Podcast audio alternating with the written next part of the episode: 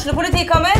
Ine Jansen er purk. Er du purk? The motherfucking bitch. Alt jeg vil, er å finne ut hva som skjedde med mannen min. Jon Carew. Er jeg sikta for noe? Iben Akeli. Det er du. Ole So, Lars Berrum og Big Daddy Karsten. Hvem sin side er du på, egentlig? Anette Hoff, Tone Danielsen, Kommer du fra Afrika?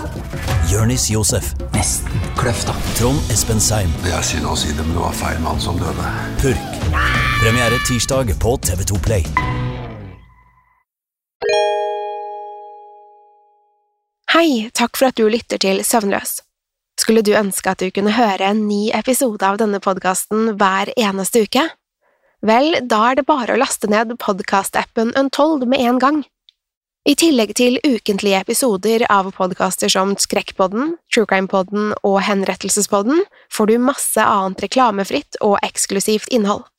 Last ned Untold i AppStore eller Google Play, og start din 30 dagers prøveperiode i dag.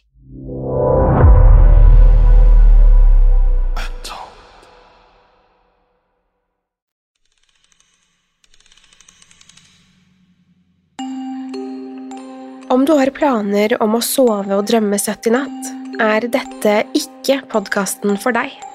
Hvis du er lettskremt, lett påvirkelig eller har søvnproblemer, bør du styre unna akkurat denne. Om du likevel vil ta sjansen, eller er på utkikk etter en unnskyldning for å ikke sove, så har du kommet til rett sted. Om du velger å bli, er du herved advart. Velkommen til Søvnløs. God natt.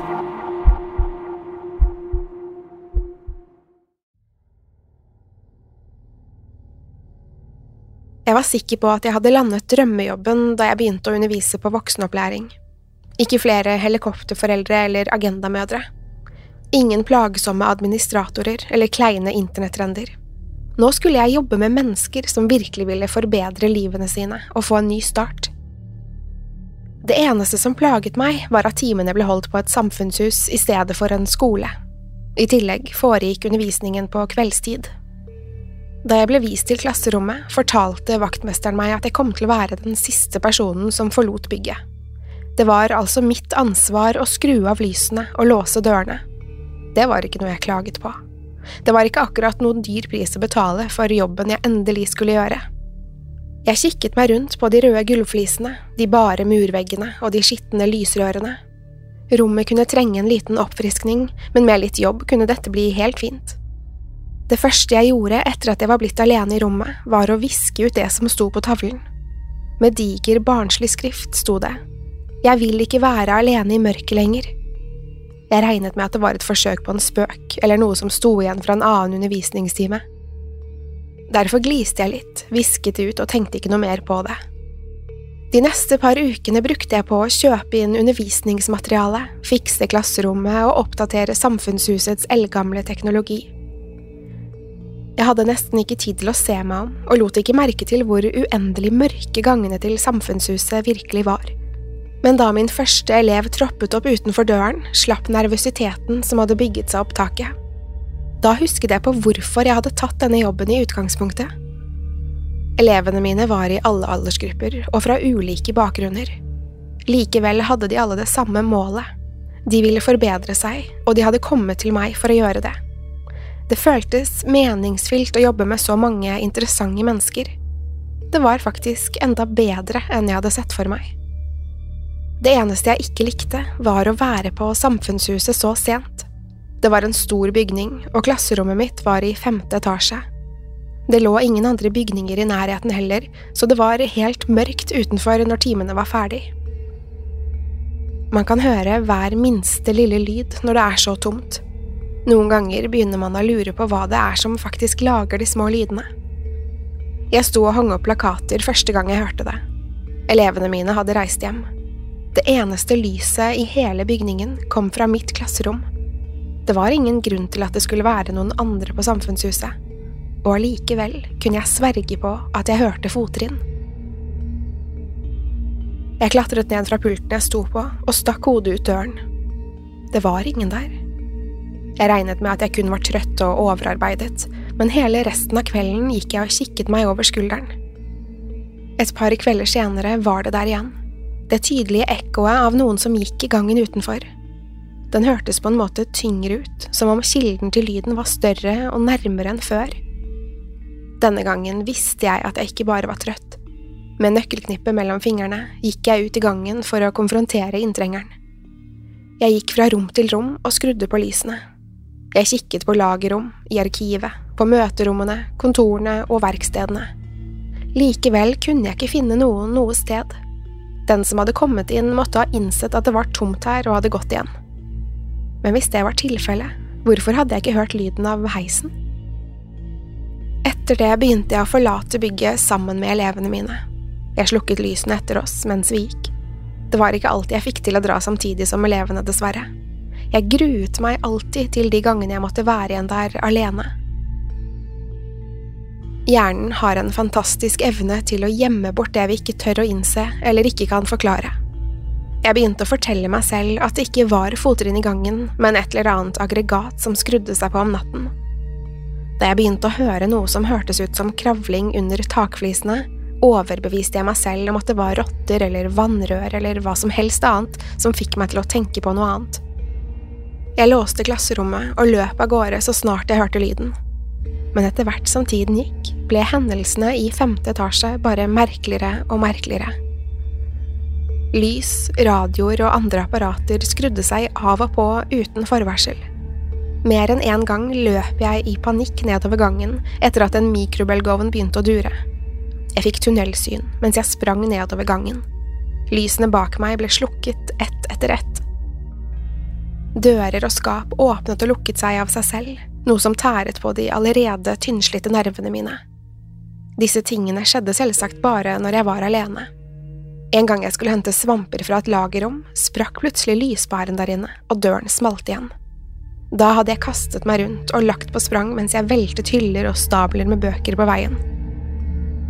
Forrige torsdag var jeg på vei ut av parkeringsplassen da jeg oppdaget at jeg hadde lagt igjen husnøklene mine i klasserommet. Nølende fortet jeg meg bort til inngangsdøren og låste meg inn. Jeg kikket meg rundt i mørket mens jeg trykket på heisknappen. Da jeg nådde femte etasje og kom inn i klasserommet, slapp jeg ut et lite lettelsessukk. Lyset skrudde seg på, og nøklene lå på pulten min. Jeg grep tak i dem og fortet meg ut i gangen igjen.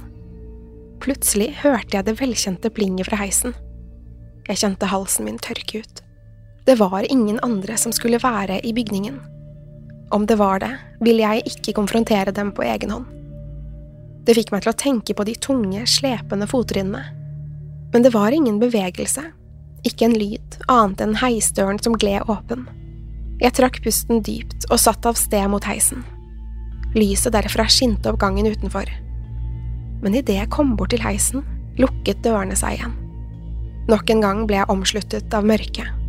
Jeg lette i lommene etter mobiltelefonen min, helt til jeg innså at den lå igjen i bilen. Jeg slo løs på heisknappen da jeg plutselig hørte noen komme mot meg bakfra. Det var de samme tunge fottrinnene jeg hadde hørt før. Jeg spant rundt, men kunne ikke se noe som helst i mørket. En råtten lukt fylte luften, og tingen i mørket kom nærmere og nærmere. Så kunne jeg kjenne en varm, stinkende pust mot ansiktet mitt. Med ett plinget i heisen, og dørene gled åpne. Gangen lå badet i lys, og jeg var helt alene. Det var ingen i gangen sammen med meg. Jeg kontaktet vaktmesteren for å spørre hva det var som foregikk i bygningen, men han kunne ikke svare meg. Jeg saumfarte internett etter legender og myter fra byen, men fant ingenting.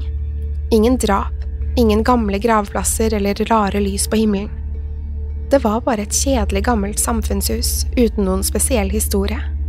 For et par minutter siden ba jeg de siste to elevene mine vente på meg ved heisen.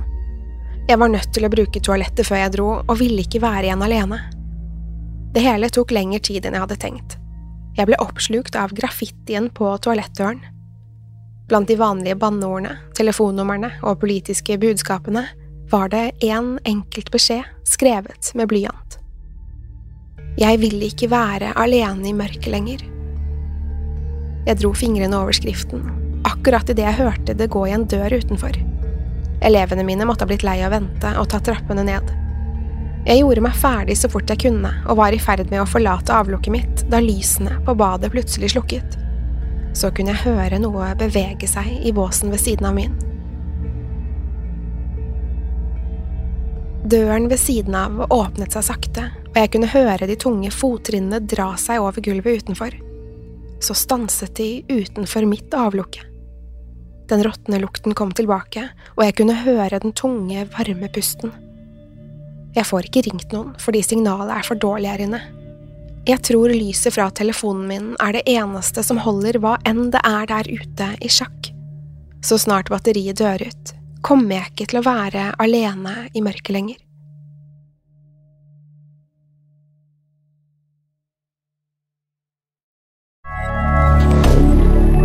Moderne media. Har du et enkeltpersonforetak eller en liten bedrift? Da er du sikkert lei av å høre meg snakke om hvor enkelt det er med kvitteringer og bilag i fiken, så vi eh, gir oss her, vi. Fordi vi liker enkelt. Fiken superenkelt regnskap.